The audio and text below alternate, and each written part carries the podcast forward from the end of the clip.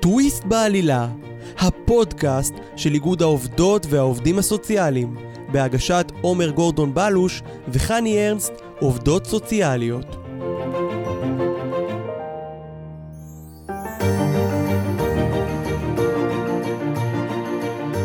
אנחנו כאן כדי לשמוע את הסיפורים של האנשים שהתמודדו עם הדברים הכי קשים שאפשר לדמיין, והצליחו לעשות טוויסט בעלילה של החיים שלהם. אני עומר. ואני חני. ואיתנו כאן היום אורחת מיוחדת, שעברה פגיעה מינית בילדות והתעללות פיזית שהתחילו בגיל 6. אה, עשתה בגרויות תוך כדי שהיא נמצאת במקלט לנשים נפגעות אלימות, והיום מקדישה את חייה לעזור לאנשים שמתמודדים עם דברים דומים. אז אנחנו כאן כדי לשמוע על הטוויסט שלך. אה, נתחיל מהפגיעה, נגיע בעצם למקום שבו את נמצאת היום. אבל לפני כן חשוב להגיד שאחרי התלבטות ארוכה, החלטנו לקרוא לך אורחת מיוחדת ובעצם להשאיר אותך בשם בדוי. אה, ואנחנו גם נטשטש פרטים לגבי הזהות של הפוגע, של אנשים אחרים במשפחה. אנחנו כאן כדי להתמקד בחוויה שלך. אז בעצם הפגיעה התחילה בגיל כל כך צעיר, נכון? בגיל 6. איך זה? מה... אה, אני חושבת שבגלל שחיים בתוך סיטואציה שהיא אה, לגור אה, במעגל שהוא נמצא בתוך פגיעה מינית, לא באמת יודעים אם זה נורמלי או לא נורמלי. חושבים שזה נורמה. נורמה חברתית, שזה קורה לכל אחד בבית. כלומר, גם אם זה בגיל 6 וגם אם זה בגיל 12 וגם אם זה בגיל 20. כן, כי את, את, את, זאת המציאות שאת מכירה, את לא מכירה משהו אחר. אז בעצם כשאת גדלה לתוך המציאות הזאת, את, את לא מכירה משהו אחר, וזה מה שאני הכרתי. כן, אני, אני מבינה מה את אומרת, אני חושבת שאיכשהו בגיל 6 זה מרגיש לי כמו באמת אי אפשר לדעת, זאת אומרת, um, כאילו גם אצלך פגיעה עם, uh, של מישהו מתוך המשפחה, מה שקצת הופך את זה ליותר מורכב, אז, אז זה בעצם הנורמה. זאת אומרת, אפילו אי אפשר לחשוב שאמורים להתנהג אחרת, לא? נכון, אה, בגלל שזה בן אדם שאמור אה, לשמור עליך ולעטוף אותך, אה, אז אתה לא חושב שהפגיעה תגיע ממקום כזה קרוב, ולהפך, זה הבן אדם שרק חושב לטובתך ורק דואג לך ואוהב אותך, ופתאום להבין שנמצאת, שאני הייתי במעגל של פגיעה מינית ופיזית ונפשית במשך שש שנים מגיל שש. רק ברגע שבאמת אה, גדלתי וקצת אה, הסתכלתי סביב והבנתי שלא מתנהגים ככה ביום-יום. אז מה את מבינה על זה בעצם בגיל 6, או מה את מבינה בגילי 6 עד 12? מה קורה שם? את רוצה קצת לתאר איך, איך נראה, איך זה נראה? אה, זה לגדול בתוך פחד, אבל בו זמנית אהבה לבן אדם הזה שפוגע. אהבה? וואו. כן. כי בו זמנית את מאוד מאוד מפחדת. ו... מפחדת ממה? מה זה מפחדת? מפחדת ממה שיקרה, ממה שיעשו לך, אם יגלו, אה, אולי את הלא בסדר, תמיד מנסים להוציא, אות, להוציא אותך האשמה. אה, אני במקרה שלי באמת אה, כל פעם הייתי הכבשה השחורה בבית. מה, מה, איך זה נראה, כבשה שחורה בבית? מה זה אומר? שאני המופרעת, שאני הלא בסדר, שמגיע לי עונש, ומגיע לי עונשים כבדים מאוד, עונשים שהם לא קלים. בין אם זה בפן המיני ובין אם זה בפן הפיזי. אמ, ובעיקר כשזה בחדרי חדרים ובאמת לא רואים. יואו, אז... זה, זה מחובר למציאות אבל? היית ילדה מופרעת או שזה היה ניסיון שלו? בדיעבד כל החיים באמת התייחסתי לעצמי כילדה מופרעת. היום אני מבינה שזה ההפך הגמור, אני הכי רגועה שיש. זה, כן, אני, אתם לא רואים, אבל אני רואה אותך פה ואני אומרת מה הקשר בינך לבין מופרעת. כן, אז אה, מהבחינה הזאת אה, יש אנשים שיחשבו אחרת, אבל... אז בעצם, אם אני מבינה נכון, הפגיעה נעשתה באיזשהו מעטה של אה, כאילו פוגעים בך, אה, כאילו, כאילו את הלא בסדר, סליחה, ו... ו ועל בסיס זה לוקחים אותך לאיזשהו חדר? כן, ובגלל שעוד אה, פעם, זה בן אדם שהוא קרוב בתוך המשפחה, אז יש את הגבול הדק הזה של אה, אהבה, שאת מעריצה את הבן אדם שעושה לך את הדברים האלה. זה משהו שמאוד נפוץ בפגיעות מיניות בתוך המשפחה. אה, ובאמת ברגע שבאמת יצאתי מה... מהבועה הזו שחייתי בה, הבנתי שלא ככה אמורים לחיות. יואו, אבל איך מתמודד, כאילו, איך מתגברים על זה שאהבת אותו? אתה, אתה אהבת אותו. צריך לשנוא אותו אחר כך. זה משהו שעובדים עליו. אני עד היום עובדת עליו uh, בטיפול. אני... זה בן אדם שדאג לי כמו שאף אחד אחר אה, לא דאג לי, אבל אה, זה גם מישהו שעשה את הדברים הכי איומים שלי. הוא היה שם כשאף אחד אחר לא היה שם עבורי, אבל בו זמנית הוא גם עשה את הדברים האיומים. היה לך רווחים בעצם מזה שאת היית הכבשה השחורה? אה, לא יודעת אם רווחים, אבל אה, כן מאוד הייתי אהובה ומאוד הייתי עטופה, אבל בו זמנית באמת היה את עניין הפגיעה הממושכת. ובאמת ברגע שהתבגרתי והגוף שלי התפתח, אז אה, הפגיעה המינית נעצרה, וזה הפך להיות אה, פיזי. פיזי. כן. קודם כל זה כמובן קשה לשמוע וכואב לשמוע, אבל אם נלך רגע אחורה, אני מנסה להבין על הפגיעה המינית, אם זה בסדר לך כמובן, איפה זה קרה? איך זה קרה? מה, בחדר חדרים כבר אמרת לנו. רוצה קצת יותר לפרט? מבחינת הפגיעות המיניות זה באמת היה כשלא היו אנשים בבית, או בלילה אה, כביכול לבדוק מה קורה איתי אם אני ישנה טוב, כמו שצריך. בעצם כל האחים שלי היו יחד בחדר ואני הייתי בחדר לבד, Mm. אז אה, זה הפך את הדברים לקצת יותר אה, אפשריים כשהייתי לבד. אה, מבחינת הפגיעה עצמה זה משהו שאני באמת שומרת לי ולטיפול שלי ולהחלמה שלי. אי אפשר בכלל לדמיין מה עברת, ואני בטוחה שאפילו את בעצמך, כשאת חוזרת אחורה, לא מצליחה עד הסוף להבין איך היית שם. אה, זה גם לא הפגיעה המינית עצמה ש... אה, שינתה אותי והפכה אותי באמת למי שאני היום. הפגיעות הפיזיות היו לא פחות, אה, לא פחות קלות מפגיעה מינית בכלל. מה זה אה, הפגיעות הפיזיות? פגיעות? פיזיות זה לנעול במרתף במשך שעות עם דלי ולהשאיר שמה בלי אוכל, מקלחות עם מים רותחים, מים קרים. וואו. אמ, בעצם אה, כל מה שהיה אפשרי וכל מה שעלה על רוחו, אה, זה מה שהוא עשה. ומי מי עוד, מה קורה מסביב? המשפחה לא בבית, או... זה כמה שעות כאלה ביום ש, שאני חוזרת מוקדם מבית ספר וחלק לא נמצאים, וזה השעתיים שלוש האלה, או, או, או פשוט כשאני לבד בבית, יחד איתו, וזה קרה הרבה. איכשהו הוא סידר את זה שזה יקרה הרבה. אמ, אז, אז זה גם אה, חלק מההתאוששות, זה לא רק הפגיעה המינית, הפחד מחושך, מלהיות לבד, מלהיות ממקומות אה, נמוכים יחסית, מתחת לאדמה, זה דברים שעד היום אה, מלווים אותי. את בעצם מתארת שאת עוברת אה, עינויים של ממש, ואף אחד מסביבך לא יודע על זה. כן, אה, הייתי בטיפול פסיכולוגי, אה, אבל משום מה, אני לא יודעת אם היא עלתה על זה או לא עלתה על זה, אבל לא באמת נתנו לנו להיות בטיפול לבד. אה, האדם שדרכו בוצעו הפגיעות, אז בעצם אה, הוא היה נוכח בפגישות, אה, או בפגישות עצמם, או מחכה בחוץ, בשביל למנוע שאני אפלוט משהו שבעצם היה אסור לי לפלוט. זאת הוא עשה את כל המאמצים שאפשר כדי שאף אחד לא ידע שזה קורה. כן, הוא עושה את זה. כן. אמ, אני ממש זוכרת שכיתה ד' אה, הלכתי לפסיכיאטרית ממש מומחית, והם אמרו שאני ממש אה, לא בסדר עם חושך, ואני נבהלת מהמון דברים. והיא אמרה, מה קורה?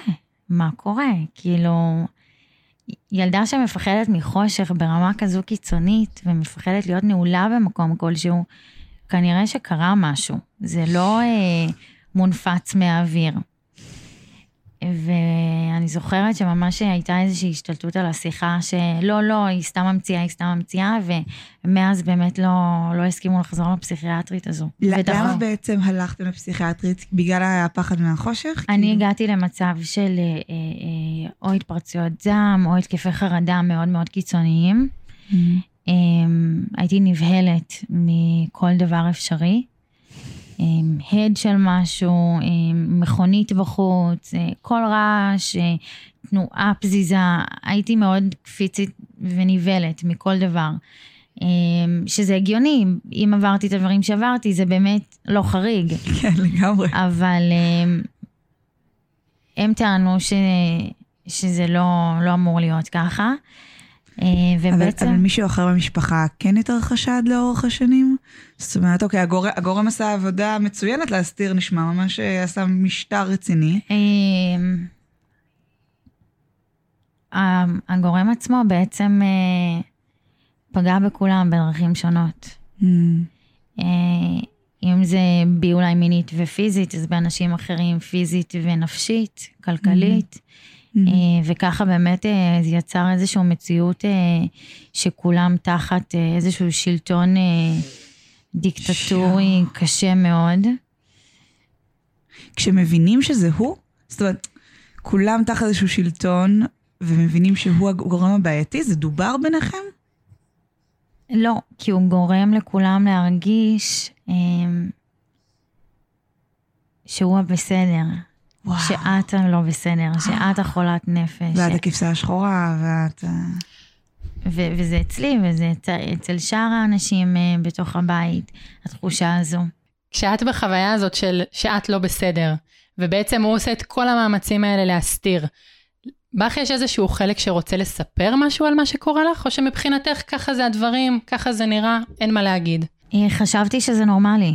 כשאמרתי שבאמת חשבתי שזה נורמלי, הייתי בטוחה שבכל בית נועלים במרתף, ובכל בית לא נותנים אוכל, ובכל בית לא מתעצבנים על דברים כאלה או אחרים. אני גם חושבת שכאילו, את בטח הולכת לחברות, אני מניחה, ואת רואה את ההתנהגות בבית שלהם, ו... ולאט לאט אני מבינה שזה באמת לא תואם את המציאות. אמ, מכל מיני סיבות, אה, אבל בעיקר אה, בהוויה המינית, אמ, שהיה שם איזשהו באמת טשטוש גבולות, ומבחינת האלימות וה... וה... ש... וכבוד בבתים של אחרים שלא היה בתוך הבית שלנו. זכור לך איזה פעם אחת שהיית אצל חברה, ופתאום אמרת, רגע, הם מתנהגים ככה ואצלנו מתנהגים אחרת? כל הזמן. איזשהו משהו מיוחד? הייתי אוהבת ללכת לחברות, לא הייתי אוהבת להיות בבית. אבל אה, גם מצד שני לא היו אוהבים שאני הולכת לחברות, כי הייתי רואה עולם נורמטיבי כביכול. והיה עדיף ונוח יותר להשאיר אותי באמת בעולם סגור ומצומצם וצר וכואב. אז אה, הצלחת ללכת לחברות, או חזרת מהחברות ופתאום אמרת, רגע, אבל למה מתנהגים ככה בבית שלי? זה לא פייר. אה, היו הת- התמרדויות שלך סביב הסיפור הזה? אין כל כך אפשרות להתמרדויות, כי ברגע שאת מורדת את חוטפת. אז את מעדיפה באמת אה, Mm. לא להיות... משתלם. אה, כן, אה, ממש לציית לכל דבר ולהקשיב לכל דבר, בשביל שחלילה לא תכעיסי או תפגעי או תעצבני או תציקי לאותו בן אדם. אז זה באמת ללכת על ביצים 24-7 במשך המון שנים. זה להיות בפחד כל הזמן, כל הזמן. כל הזמן. אני זוכרת שקיבלתי את הטלפון החדש שלי, וברמה של הייתי שמה אותו תמיד על שקט, כי אם הוא היה מצלצל, הייתי מפחדת, הוא היה כועס כשהוא היה מצלצל. לא, לא הבנתי, כי מה? מה מכעיס? כי הכעיס אותו, הכעיס אותו שמדברים איתי אנשים. זה ממש לבודד את כל המשפחה, שתישאר רק לעצמו, לבודד מחברים, לבודד ממשפחה מורחבת, לבודד מכל אדם אפשרי. כדי שהכל יהיה שלו לעצמו, ובסופו של יום, שהוא יחליט מה הוא רוצה לעשות עם זה, ולא אף אחד אחר. אה, וגם שלא תהיה לנו אופציה לדבר באמת עם, אה, עם הבחוץ בעולם. יש לך איזושהי פעם שאת זוכרת שהייתה הפעם הקשה ביותר, או את יודעת ככה, כן. האמת ש... משום מה, אם יש משהו שלא יוצא לי מהראש, זה באמת אה, ההישארות במרתף. אה, בפגיעה מינית, אז זה מתחיל וזה נגמר. את יודעת מתי זה נגמר. מהמם. כשמחליטים לשים אותך במרתף בגיל שבע, שמונה, למשך שעה, שעתיים, שש שעות, תלוי בו, אמ, אז, אז זה קצת יותר מפחיד, כי את לא יודעת מתי זה נגמר. ואין לך תחושת זמן. ואין תחושת זמן. יכול לעבור עוד דקה ויכול לעבור חמש, שש שעות ויום שלם. בית גדול, אה, ויש לו בו מרתף, מרתף מפחיד. אה, וצדדי כזה, ו... שהוא לא בשימוש, רק בדברים כאלה. כלומר, זה לא מקום ראוי למגורים. לא. ממש מתחת לאדמה, מרתף. יואו. כמו שזה נשמע. וואו, זה פשוט מצמרר. את גם אומרת, אפילו לפגיעה המינית יש פה יתרון, כי אני יודעת שהיא מסתיימת, וזה יתרון, אם אפשר להגיד את המילה הזאת בכלל. וזה נשמע פשוט, אה, אין מילים. כאילו, אתן בטח חושבות אה, מרתף כזה עם, אה, לא יודעת, ספה, אולי משהו שיש שם, לפחות שאני אוכל להעסיק את עצמי, אבל אה, כאילו, אז יש את המרתף, ובתוך המרתף היה איזשהו אה, אה, אה, מסדרון צר שהוביל בעצם לחדר אחורי, שזה המחסן, ושם בעצם זה היה קורה. שהיה שם ממש כלום ושום דבר, רצפה מבטון וקירות מבטון. אה, כמו צינוק. את יודעת, זה, זה כזה פער, אה, לראות אותך מדברת על זה ולדמיין את הדברים האלה, זה, זה בלתי נתפס. לפני שלוש שנים, אם היית שואלת אותי, אה, לא רק לפני שלוש שנים, אם הייתי יודעת איפה אני אהיה כש... בז- בזמן שהייתי נגיד במרתף, אז אולי זה היה נותן לי איזשהו אור ותקווה. אבל אה, בחיים לא הייתי מאמינה שאני אגיע לאן שאני אגיע. אין סיכוי. אני ממש מנסה להבין איך אוהבים ושונאים בו זמנית. כי אני מניחה שגם בילדות אהבת ושנאת בו זמנית. את יכולה קצת לתאר את החוויה הזאת? איזה מחשבות עוברות בראש, איזה... זה אהבה של פחד. את אוהבת אה, בן אדם כי הוא היחיד ש... הוא נותן לך להרגיש שאת, שהוא היחיד שיהיה שם בשבילך, והיחיד שיאהב אותך, והיחיד שיהיה נוכח עבורך, ויציל אותך מכל משמר. אה, ואת בעצם בונה בו אמון. ובו זמנית, אם הוא חושב שזה נכון להרביץ, אז, אז זה נכון להרביץ לי. ואם זה נכון להתעלל בי, אז זה נכון להתעלל בי, כי כנראה מגיע לי, הוא יודע יותר טוב ממני. הוא יודע יותר טוב ממני? זה, לא. היה, זה היה, הייתה הידיעה שהסתובבת איתה? זה, זה היה הכיוון, זה היה הכיוון. של בטח הגיע לי, בטח אני לא בסדר. כשהטלת ספק בזה? בשלב יותר מאוחר, בגיל אה, 14 בערך, עד גיל 14 את לא מטילה ספק שאת לא בסדר. כלום, שום דבר. ואת מבינה שאת נפגעת בשלבים האלה? זאת אומרת, את, את מבינה ש... לא. לא. כשיצאתי מחוץ לבית, באמת אה, בגיל אה, 14-15, אז אה, הבנתי שאוקיי, מה שקורה בבית לא אמור לקרות בכלל. אבל לא באמת דיברתי על זה עם מישהו, אה, ופשוט מה זה יצאת מהבית? איפה... הלכתי לפנימייה. האמת שהוא תמך בזה שלא נהיה הוא בבית. תמך. יש לך הסבר? כנראה שהתפתחנו, אז זה כבר לא נמשך לגוף הצעיר. וזה מה שמייחד אה, פדופילים, כן, למי שלא יודע. כן. אז בעצם את הולכת לפנימייה בעידודו, הוא הציע את זה? הוא הציע את זה ואת אומרת, אוקיי. למה הוא הציע את זה בעצם? הרי לא כל ילד הולך לפנימייה, זאת אומרת, זה, זה כן משהו... אה... פשוט הוא העדיף שאני לא אהיה בבית יותר. כי אני המופרעת, וזה לא. מתאים לו. אה, אמ, והאמת שאני שמחה על זה שהייתי בפנימייה. אה, גיליתי עולם אחר, וגם... מה גילית? גיליתי שיש חיים בלי אלימות ובלי מיניות בצורה כזו. ובלי פחד. הייתי ממש מפחדת מגברים פעם. מה זה אומר? אה, היה לי מדריך, ובהתחלה הייתי ממש הולכת... אה, הייתי מפחדת, כאילו, אולי אני לא בסדר, דואגת כל הזמן, מה הוא חושב, מה הוא חושב עליי, איך אני מתנהגת, אם אני בסדר, אם אני לא בסדר. והוא מדריך שלי, הוא אמור לדאוג לי, הכל בסדר, אני לא אמורה לחשוב על הדברים האלה בכלל. ובטח הוא גם לא היה כזה מאיים, הוא הוא רק ניסה לא היה- לדאוג ולשאול, ו... להפך, הוא היה הבחור הכי מדהים בעולם, הוא החזיר לי את האמון בגברים באיזשהו שלב. אבל... אמ, והוכיח לי שגם יש גברים טובים בעולם. אבל אה, באמת, עם הזמן שהייתי בפנימייה, הבנתי שמבחינה מינית, איך שאני הייתי רגילה שמתנהגים, לא אמורים להתנהג. מה אה. עזר לך להבין את זה? אני חושבת ש... שברגע שאת רואה שאנשים מסביבך לא, לא משתמשים במיניות שלהם אה, מבחינה מילולית ופיזית, ועדיין אה, לומדים ומשיגים חברים, ובקשר עם ההורים שלהם בלי כל זה, אז אה, זה בסדר. זה גרם לי להיות קצת פחות אה, אה, מינית. כלומר, אם אני מבינה נכון, גם השפה, גם ההתנהגות, גם השפה, גם ההתנהגות, גם הלבוש. היו מאוד uh, קשורים בקונטקסטים מיניים. מה, את רוצה קצת לפרט? מבחינה של אה, חזה מאוד בחוץ, מכנסיים מאוד קצרים, מבחינת אה, תשומת לב, דרישת תשומת לב מגברים ספציפית.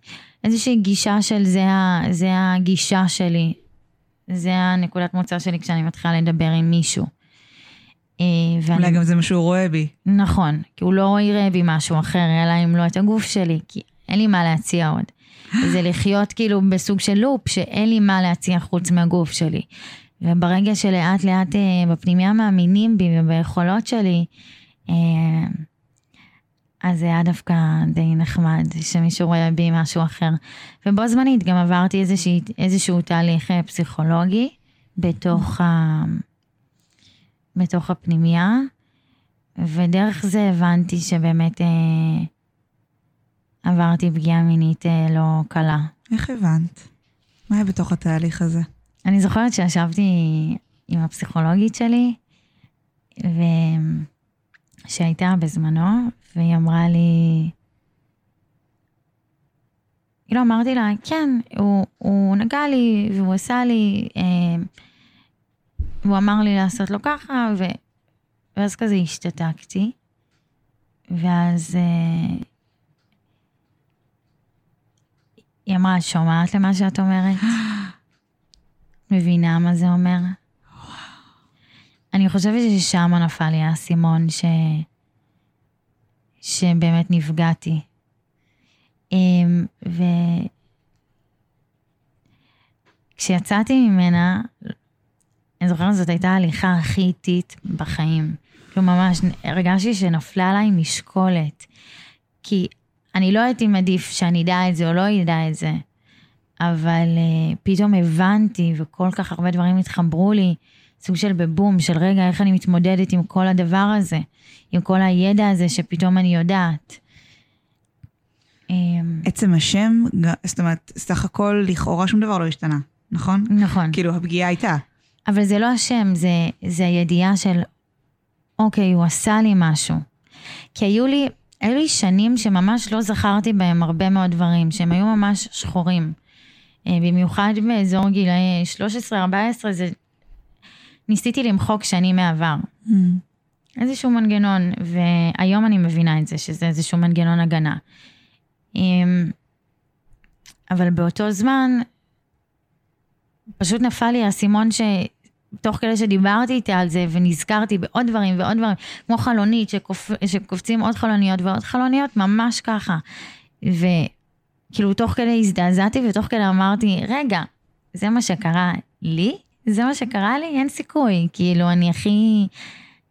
כלומר, ידעת כל השנים מה זה פגיעה מינית, שמעת המושג הזה ולא חיברת את זה בינך, לב... כאילו שזה לא את בעצם, זה אנשים אחרים נפגעים מינית, אבל ידעת שזה קיים. לגמרי. זה נשמע כאילו ברגע אחד, עד לאותו רגע הייתי בטוחה שאת אשמה, את המופרעת, את הבעייתית, ופתאום מישהו אומר לך, רגע, יש פה מישהו אחר שהוא לא בסדר, את לא אשמה. זה היה כזה בחוויה שלך?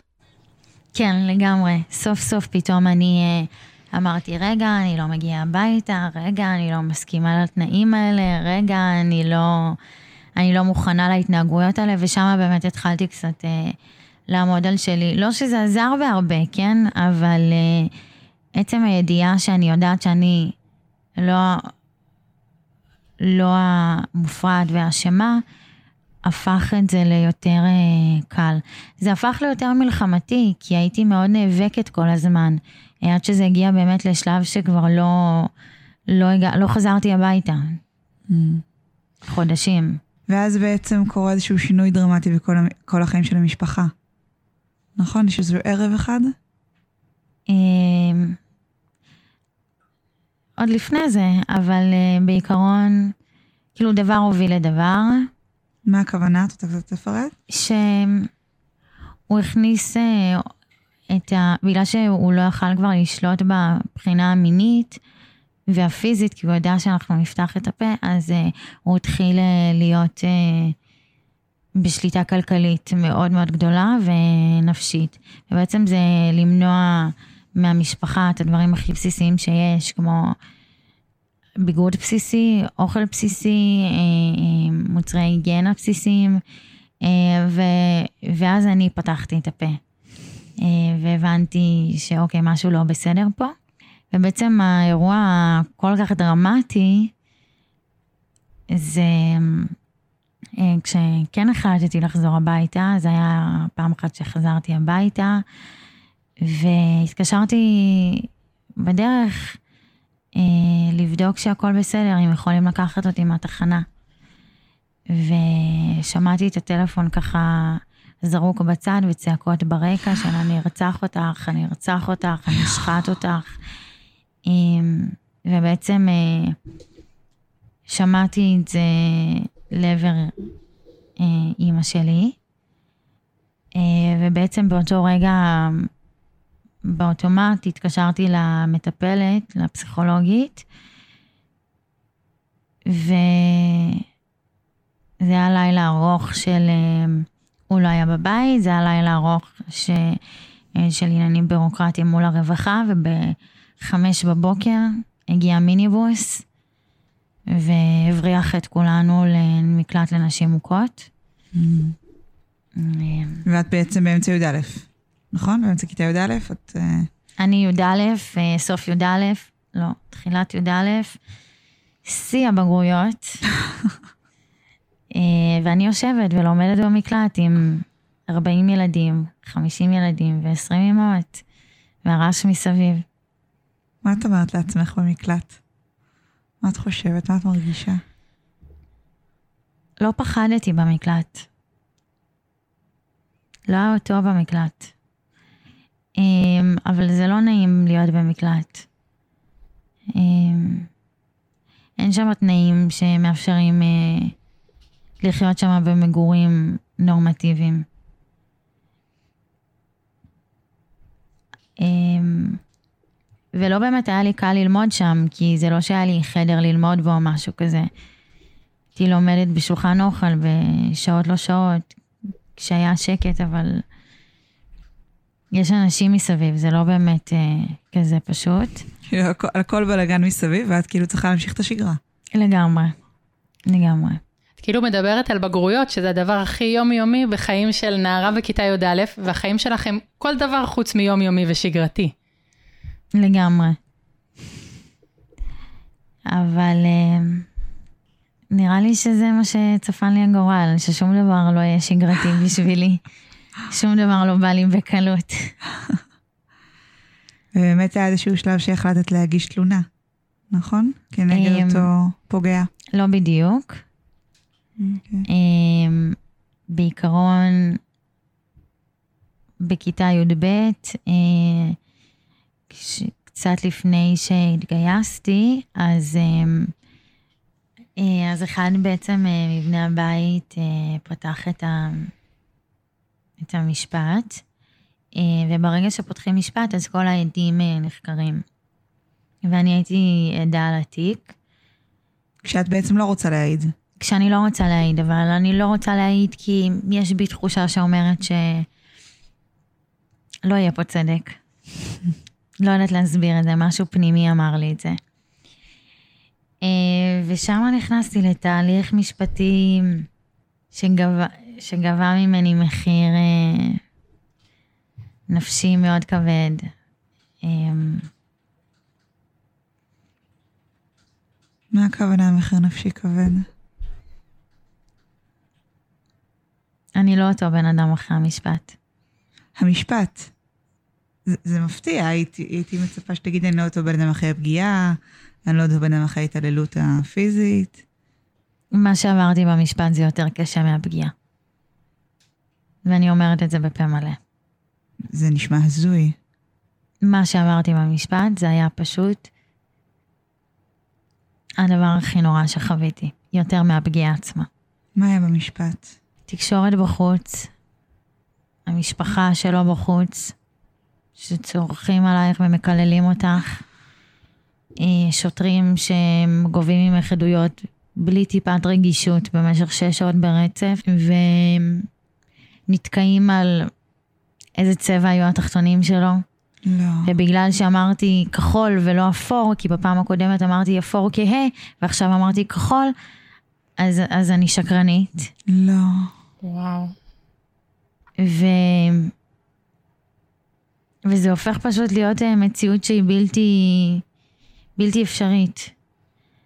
אני נפלתי לדיכאון אה, מאוד מאוד מאוד כבד. איבדתי הרבה משקל. Mm. אמ, איפה את באותו זמן? אז אני מתחילה לנדוד בין חברים ואנשים, לא באמת... אמ, הייתי בצבא אמ, ב- בתחילת התיק, וברגע שקראו לי לעדות, אז אמרו לי מטעם הצבא שאני לא יכולה להיות בצבא ובו זמנית אה, להעיד. אני או ימתין עד סוף השירות שלי, או בעצם אני יוצאת מהצבא ומעידה. אמ, והחלטתי בעצם שאני אעיד, זה לקח כמה שבועות, בתקופה הזאת באמת אה, התכוננתי למשפט עם, איך מתכוננים לדבר כזה? עם הרבה כדורי שינה. מה זאת אומרת? אה, הקב"ן אה, נתן לי הרבה כדורי שינה, כאילו הייתי צריכה, לי, לא, לא הייתי יכולה לישון אה, ולתפקד. בצבא לא באמת הבינו שהמצב הוא בלתי אפשרי, ומבחינת התכוננות זה לשבת במיטה כל היום ולבכות ולבכות ולבכות ולבכות. ולהבין שבעצם את הולכת עכשיו לספר את כל הסיפור לכולם. לא, שאני הולכת להילחם על חיי כרגע. וזה יכול לבוא לטובתי וזה יכול לבוא לרעתי. אה, ומשם באמת, אחרי שאני יוצאת מהצבא, אז מתחיל ההליך המשפטי, שזה הליך משפטי. זה יום שלם של עדות, מתשע אפס אפס עד חמש אפס אפס. יום אחד שבאמת אה, שיבש אותי לגמרי. ובעצם המשפט הוא יצא זכאי לצערנו. אה, הוא יצא זכאי מחמת הספק, Mm. שמאמינים לו אבל לא מספיק מאמינים לי. איזה שבר. כן, זה שובר. זה להילחם עכשיו על, על זה שאת לא שקרנית מלכתחילה. שהוא צדק כל הזמן הזה. שאני שקרנית, אני הלא נורמלית, אני הלא טובה, אז הנה, אולי הוא באמת צודק, אולי אני ממציאה הכל. כשהיית בפנימייה בעצם כבר הצלחת להגיע למקום שאת, האשמה עוברת ממך למישהו אחר, זאת אומרת, את כבר לא המופרעת, הבעייתית, את לא האשמה, יש מישהו אחר שאשם, ופתאום, במשפט, זה חוזר אחורה, האשמה חוזרת אלייך. כן. אמ, המשפט היה קשה ברמות. כן, אמרת לנו שזה היה השלב אה, הכי קשה אה, בכל התהליך שלך. אה, נכון, אז גם סיפרת לנו שבדיוק החבר שלך עוזב אותך, ואת בלי צבא, ואת בלי, והוא יצא זכאי, והכל פשוט... והמשפחה שגרתי בה בזמן הצבא, אז היא בעצם גם אמרה לי לעזוב כי אני כבר לא בצבא, ובדיוק מפטרים אותי מעבודה כי אני בדיכאון ואני לא יוצאת מהבית בגלל המשפט, אז הכל ביחד. אני אומרת, וואו, איך אני קמה בבוקר ומה לעזאזל אני עושה. אז איך את מצליחה לעשות טוויסט על החיים שלך מהמצב הכל כך נמוך שבו את נמצאת? אה, לא לקרוא לזה טוויסט, ולהסתכל על כל דבר ב... בהישג קטן. אם זה קמתי עכשיו מהמיטה, זה הישג. קמתי לאכול, זה הישג. התקלחתי, זה הישג. יצאתי מהבית לקנות משהו, זה הישג. ובאמת לאט לאט צוברת לי את ההישגים הקטנים האלה בשבילי, ולאט לאט מלשרוד את היום זה הפך ללשרוד את השבוע, ולשרוד את השבועיים, ולשרוד את החודש. ופתאום זה לא הפך ללשרוד, ופתאום זה נהיה לי יותר קל, ו... הקפתי את עצמי באנשים מקסימים, והקפתי את עצמי בעבודה ואנשים תומכים. אה, ופתאום אני מבינה ש... שגם לא להיות בסדר זה בסדר. אה, וזה משפט שבאמת מלווה אותי עד היום. מה הוא אומר בשבילך?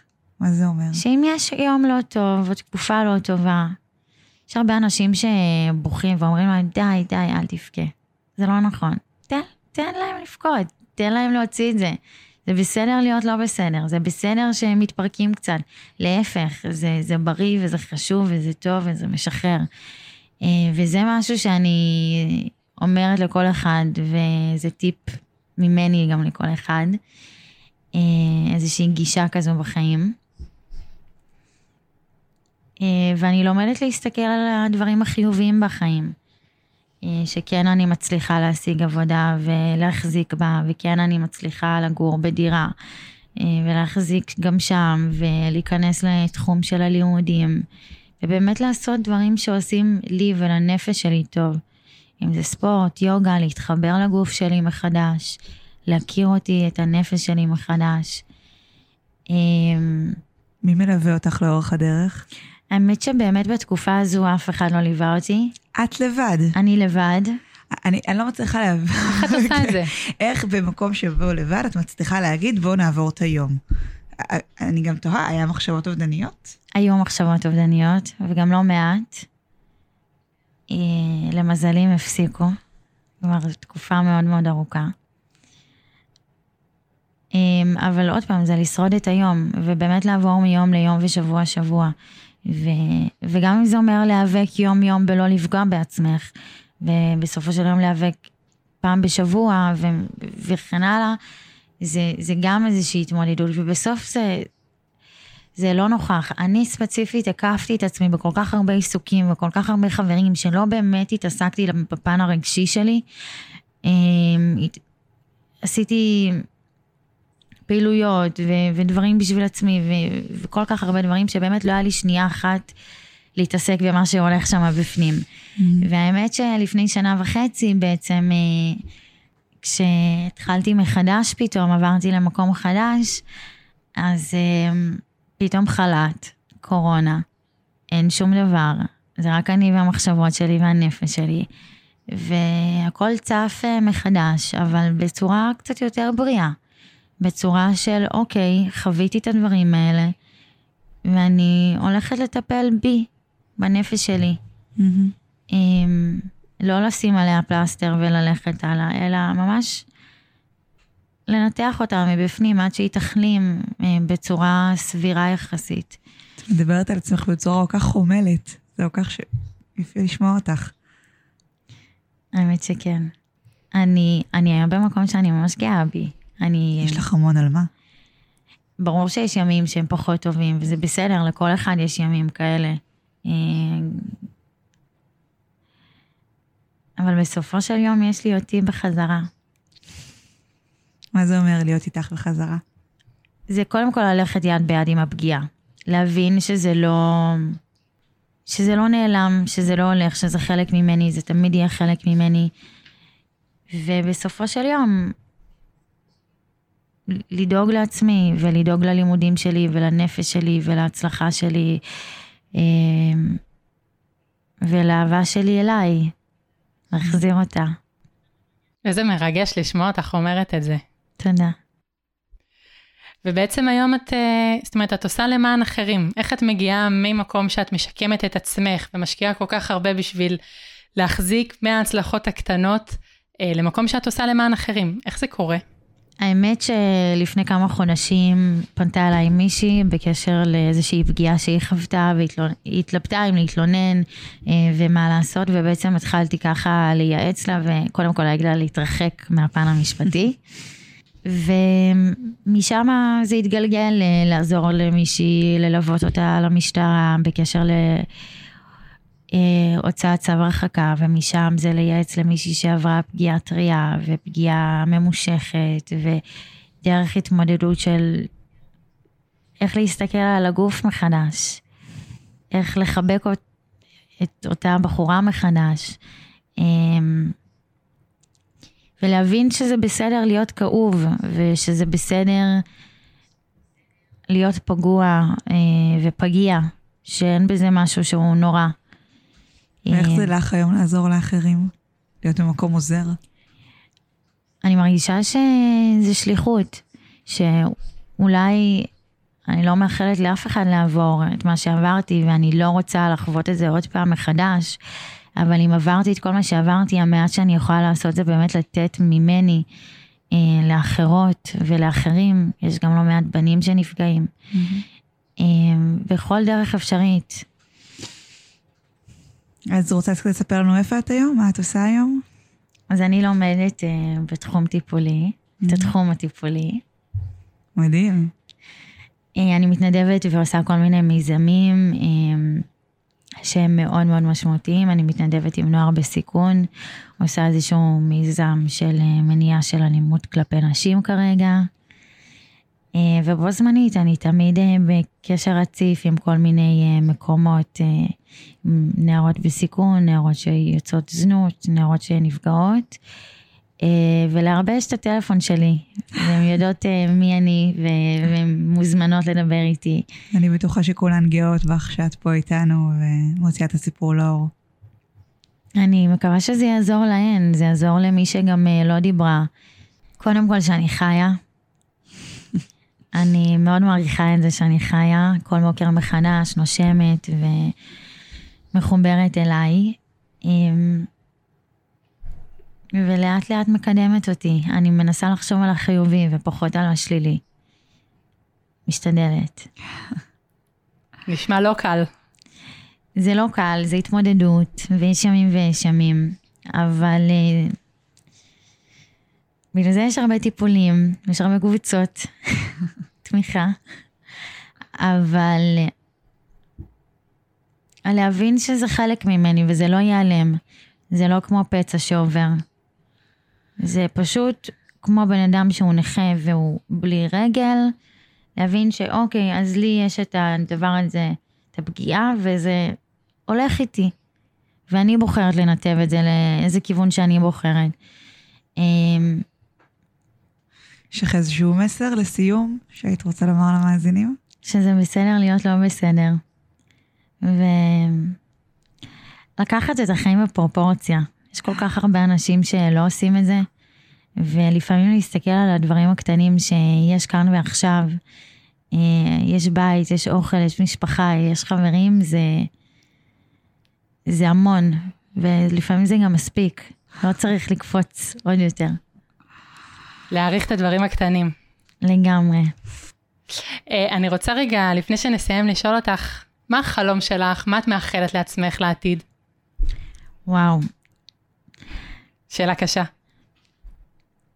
חלום שלי לפתוח אה, מקלט לנשים מוכות. וואו. בצורה ראויה לנשים, שהן לא צריכות לפחד, להתחבא, לברוח, אה, וגם שיהיה צדק מהבחינה המשפטית בכל תיק אפשרי.